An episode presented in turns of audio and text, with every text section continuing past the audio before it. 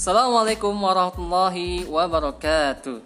Alhamdulillahi rabbil alamin. Asyhadu an la ilaha illallah wa asyhadu anna Muhammadan abduhu wa rasuluh la nabiyya ba'dah. Allahumma salli ala sayyidina Muhammad wa ala alihi wa ashabihi ajma'in amma ba'du. Ya, Alhamdulillah segala puji bagi Allah Tuhan semesta alam yang mana masih memberikan kita nikmat nikmat iman, nikmat Islam sehingga kita bisa menyadari nikmat-nikmat yang Allah berikan. Insya Allah. Pada kesempatan kali ini kita akan membahas tentang suatu materi dasar mungkin di sini udah pernah mendapatkannya. Bagi yang belum, mari kita kaji bersama. Bagi yang sudah, mari kita mengulang kembali uh, materi yang sudah kita pelajari. Apa itu hari ini? Ya, Senin pada tanggal 27 kita akan membahas tentang tiga formula dalam meraih cita-cita. Berbicara cita-cita, kita ingat pada TK. Waktu TK, siapa yang ingin jadi presiden? Acungkan tangan, acungkan tangan. Siapa yang ingin menjadi dokter? Acungkan tangan, acungkan tangan. Siapa yang ingin menjadi presiden? acungkan tangan, acungkan tangan. Bahkan ada dari awal sampai akhir, ia terus mengacungkan tangan tanpa tahu maksudnya apa. Mungkin ada juga satu dua orang yang hanya mengacungkan tangan satu kali atau dua kali. Lalu beranjak ke SD. Ke SD mulai. Ia berani memilih. Ada yang pertama, ada yang kedua, dan tidak lagi tiga-tiganya diacungkan. Ketika SMP mulai. Ada yang perubahan. Ada yang tetap satu pilihan waktu dia TK ada juga yang berubah bahkan tidak dalam pilihan waktu TK maupun SD karena ada suatu proses dari pembelajaran dan pengalaman yang dialami yang beranjak ke SMA makin kritis lagi pemikirannya. Mulai fokus. Mungkin ada yang masih istiqomah cita-citanya ingin jadi presiden ingin jadi dokter ingin jadi polisi tentara dan lain sebagainya. Mungkin ada yang udah berubah. Karena ada beberapa faktor yang membuat seorang merubah apa yang ia cita-citakan. Berbicara cita-cita bisa jadi sebuah keinginan menjadi seorang atau sesuatu. Ya. Ya tadi ingin jadi dokter ingin jadi presiden dan ingin jadi apa pun. Lalu cita-cita juga bisa berbuah ya berbuah ingin memiliki sesuatu. Bagi dirinya bagi orang lain bahkan bagi orang terdekatnya ya ingin bercita-cita menjadi uh, orang yang bermanfaat dalam bidang pendidikan ya ini guru sekolah. Ingin bercita-cita membentuk keluarga sakinah mawadah warahmah nah, bisa. Dan banyak lagi. Jadi cita-cita itu bisa berupa ingin menjadi sesuatu atau ingin mendapatkan sesuatu nah bagaimana sih tipsnya? Karena tiap TK SD SMP SMA bisa berubah bisa fokus bahkan bisa kedua-duanya. Maksudnya awalnya istiqomah eh di akhir berubah. Berubah eh terakhir kembali lagi ke cita-cita awal. Nah, itu masih banyak faktor-faktornya. Kita sekarang mendiskusikan ah bukan diskusi ya. Karena teman saya nggak ada nih. Jadi kita akan membahas tentang teori 3P plus D. 3P plus D ini teori dasar tentang uh, manajemen percaya diri ya. PD uh, eh, manajemen percaya diri. P yang pertama dia ini adalah proyeksi. Oke. Okay. proyeksi apa sih? Uh, kalau proyeksi itu simpelnya adalah menggambarkan sesuatu sehingga orang lain tahu sesuai sesuatu itu tuh oh itu nah, masih belum jelas kita analogikan seperti proyektor atau yang kita kenal seperti infokus. Oke. Infokus ketika dicolokkan ke laptop, disambungkan ke HP lewat wireless, ting ting ting ting, oke. Ketika kita klik YouTube akan nampak YouTube di dinding dan orang lihat oh lagi nonton YouTube. Ketika kita buka galeri, buka foto, fotonya foto Doraemon, orang tahu oh itu lagi buka Doraemon. Jelas gitu ya. Nah, berbicara jelasnya ini, penampakan yang jelas ini dari proyektor atau infocus kita aplikasikan pada diri kita. Maka ketika kita dulu pernah bercita-cita dan sampai sekarang masih cita-cita yang sama, maka proyeksikanlah cita-cita itu. Bahkan walaupun udah diganti ketika SMA atau pas kuliah berubah, maka mulai dari sekarang buktikanlah dalam bentuk perilaku dan kebiasaan. Contohnya, waktu SMA atau kuliah, saya udah istiqomah dari TK, ingin jadi dokter. Maka ketika mendengar uh, pembahasan ini dari sekarang mulailah bahwa proyeksikan diri Anda atau kawan-kawan semua menjadi seorang dokter dari mulai pakaiannya, dari mulai gaya bahasanya, dari mulai pem, uh, apa yang ia baca, mulai dari apa yang ia bahas, mulai apa yang ia pelajari, memahami sesuatu seperti layaknya dokter. Bahkan ketika ada teman, teman itu kesakitan, kita berusaha menolong, dan faktanya ketika kita nggak bisa kita langsung ajak ke dokter sesungguhnya.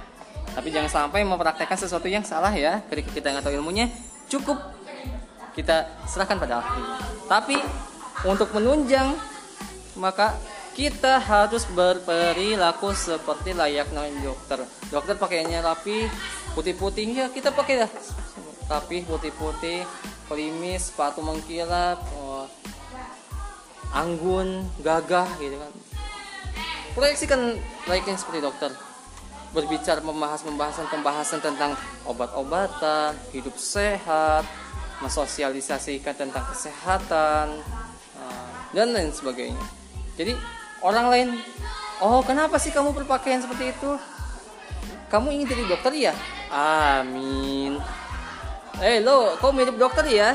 Amin ketika orang tahu apa yang kau apa yang kalian dan kawan-kawan lakukan dan orang gak perlu menebaknya ya kita lagi apa dan sedang apa berarti proyeksi kita berhasil dan ketika misalnya teman-teman kita ya atau sekeliling kita bilang oh kamu ingin menjadi seorang dokter. Ketika pas orang lain bilang oh kamu seperti itu ingin seperti dokter gitu ya. Ya kita tinggal aminkan amin amin. Ya. Sehingga tidak sadar apa yang diucapkan oleh teman kita sahabat kita keluarga kita menjadi uh, kebiasaan dalam diri kita. Jadi yang pertama adalah proyeksi gambarkan dalam diri kita gambarkan dalam uh, kehidupan kita, keseharian kita layaknya seperti apa yang kita harapkan. P yang kedua, ya ini adalah proteksi. Uh, simpelnya mungkin udah sering dengar ya, mau di games atau mau di pembahasan tentang proyek. Oh, oh ya maaf, sedikit mundur. Ya. Yang kedua adalah proteksi proteksi ini mungkin kita pernah lihat dari game, film dan mungkin pembahasan-pembahasan. Proteksi ini simpelnya adalah melindungi. Melindungi dari apa? Dari hal-hal yang dapat merubah, hal-hal yang dapat menggoyahkan, hal-hal yang dapat mengkecohkan tujuan kita dari awal. Tadi kan misalnya contohnya dari dokter ya. Kalau misalnya jadi dokter, maka kita lingku, lingkungan kita keseharian kita nah, pemikiran kita ya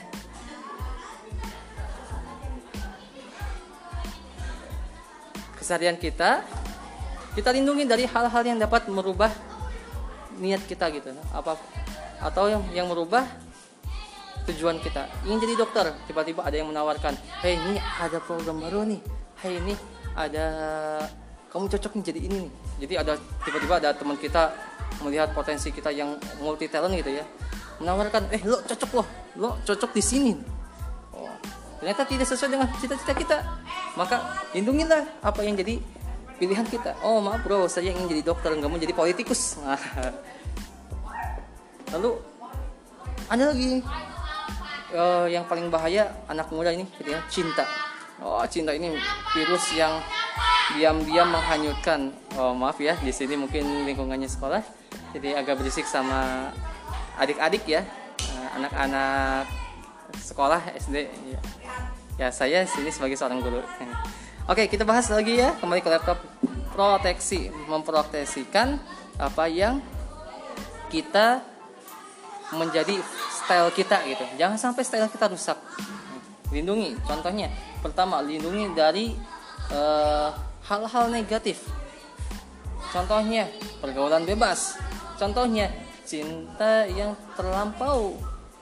Nah, ya, lalu yang ketiga dari lingkungan yang tidak sehat sehingga uh, lingkungan tersebut mempengaruhi cita-cita kita. Itu dari hal yang negatif. Lindungi dari hal-hal yang positif kenapa kok hal-hal yang positif dilindungi nah, bisa jadi ada peluang-peluang yang diberikan oleh teman yang diberikan oleh sahabat tentang uh, kemampuan kita potensi kita ketika misalnya potensi kita memang berkembang di satu dua tiga namun kita tetap yakin di kemampuan satu dan teman kita sahabat kita menawarkan untuk kemampuan dua dan tiga maka lindungi dulu apa yang seperti apa yang seperti kita harapkan gitu. Saya inginnya di satu ingin di satu ingin di satu ingin di dokter ingin di polisi ingin di tentara dan ingin sebagainya. Tapi yang dua tiga ini harus dihormati. Karena bisa jadi itu peluang cadangan. Ketika misalnya kita memang tidak bisa menjadi poin satu lindungi hal-hal dari hal-hal yang positif. Contohnya ada peluang lain yang memang kita bisa di peluang tersebut. Tapi kita fokus dulu di peluang yang ingin kita uh, apa sih pertaruhkan gitu. Jadi gitu ya. Yang pertama adalah proyeksi. Yang kedua adalah proteksi dari hal yang negatif sampai hal yang positif. Udah tuh dua tuh. nah, P yang ketiga apa P yang ketiga adalah prestasi prestasi di sini bukan oh kamu juara satu wah kamu yang terhebat wah kamu yang terkuat. Tidak, tidak, tidak.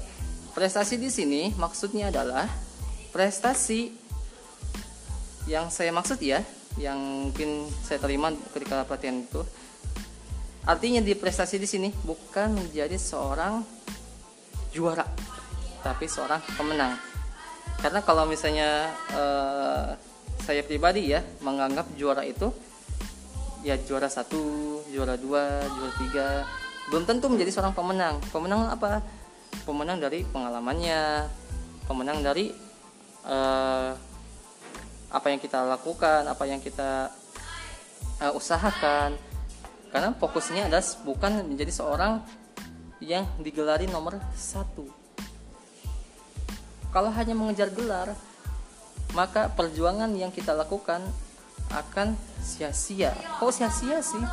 Ya fokusnya hanya level 1 ketika misalnya level 1 gak ada kita akan nyerah pada detik itu juga. Tapi kalau misalnya kita berjiwa seorang pemenang mau kalah atau juara ya maka ia akan merenungkan apa sih kekurangan saya. Nah, kalau mental pemenang ia akan mendapatkan poin-poin yang tidak disadari oleh kawan-kawan yang hanya fokus menjadi seorang juara. Dia tidak juara satu tapi dia pemenang. Contohnya di uh, industri musik ya eh, maaf industri musik Indonesia Indonesian Idol gitu ya. Rata-rata ketika misalnya juara satu uh, yang menangnya itu adalah pemenangnya ya, juara dua tiga empat lima enam gitu. Kenapa? Kadang-kadang juara satu itu hanya satu tahun dua tahun hilang aja. Tapi ketika yang juara dua sampai lima karena dia mempelajari oh industri musik itu seperti ini oh link-linknya itu seperti ini ya kembangkan. Jadi ia seorang pemenang. Karena pemenang itu akan akui sepanjang masa. Kalau juara itu ketika itu oleh juara. Tapi tidak berkembang ya bukan seorang juara yang pemenang tapi juara ya juara aja gitu jadi seorang pemenang ya mungkin yang tahu KBBI ya itulah mangga dikoreksi ya kalau misalnya saya salah. Jadi prestasi di sini adalah berusaha untuk sebaik mungkin semaksimal mungkin yang kita bisa. Perkara kita nomor satu, nomor dua, nomor tiga adalah buah hasil dari usaha kita. Ketika kita memang Allah katakan layak untuk juara, ya juara. Tapi bukan itulah tujuan utama kita. Tujuan utama kita adalah mendapatkan sesuatu untuk pembelajaran dalam diri kita. Pembelajaran sesuatu untuk mendapatkan uh, hal baru untuk mendidik kita. Jadi prestasi di sini berusaha semaksimal mungkin masalah juara satu juara dua itu bukan hal yang nomor satu tapi yang nomor satu adalah pengalaman dan apa saja yang dapat kita ambil dari pengalaman tersebut oke. Jadi ketika misalnya kita ingin jadi dokter kita ingin jadi presiden kita ingin jadi politik wah ingin jadi apa pun. Namun kita belum jadi jadi kalau mental seorang pemenang kenapa sih saya belum jadi jadi tidak don. Ia akan e, memuhasabah gitu merenung apa sih kekurangan saya apa sih yang harus saya benahi perbaiki dan mengulang kembali mengulang kembali. Mengulang kembali apa yang uh, ia cita-citakan terus dan memperbaiki kesalahan-kesalahan dan melengkapi kekurangan-kekurangan dari apa yang ia lalui. Terus prestasi terus ah enggak. Balik lagi terus berusaha. Dan akhirnya Allah takdirkan kita untuk menjadi seorang yang kita inginkan.